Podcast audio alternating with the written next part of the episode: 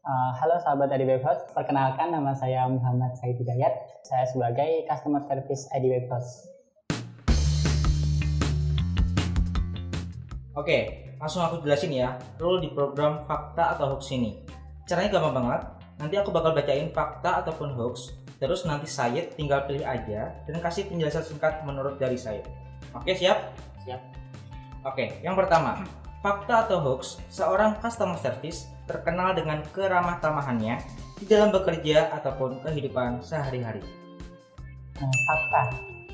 Nah, karena yang jelas kan setiap customer pasti ingin dapat pelayanan yang penuh keramahan dan juga senyuman meskipun itu nggak bisa tampak secara nyata uh, hanya melalui live chat atau hanya melalui media online tapi situ jika layanannya sangat ramah dan juga penuh dengan senyuman pasti akan sampai ke hati para pelanggan Oke, yang kedua, fakta atau hoax, seorang customer service adalah teman curhat terbaik. Uh, fakta, karena sebagai customer service di situ kita adalah jembatan penghubung antara perusahaan dan juga pelanggan. Jadi kita sering mendapatkan keluh kesah dari para customer. Nah, begitu juga di kehidupan nyata. Banyak juga teman-teman yang berkeluh kesah kepada kita.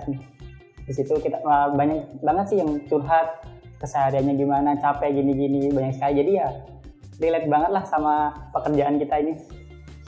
Fakta atau hoax, pekerjaan customer service merupakan pekerjaan yang mudah dan santai. Uh, itu hoax. Karena sebagai customer service kita dituntut harus tahu 100% produk knowledge dari produk yang kita jual sendiri. Jadi kita nggak bisa asal bicara di situ.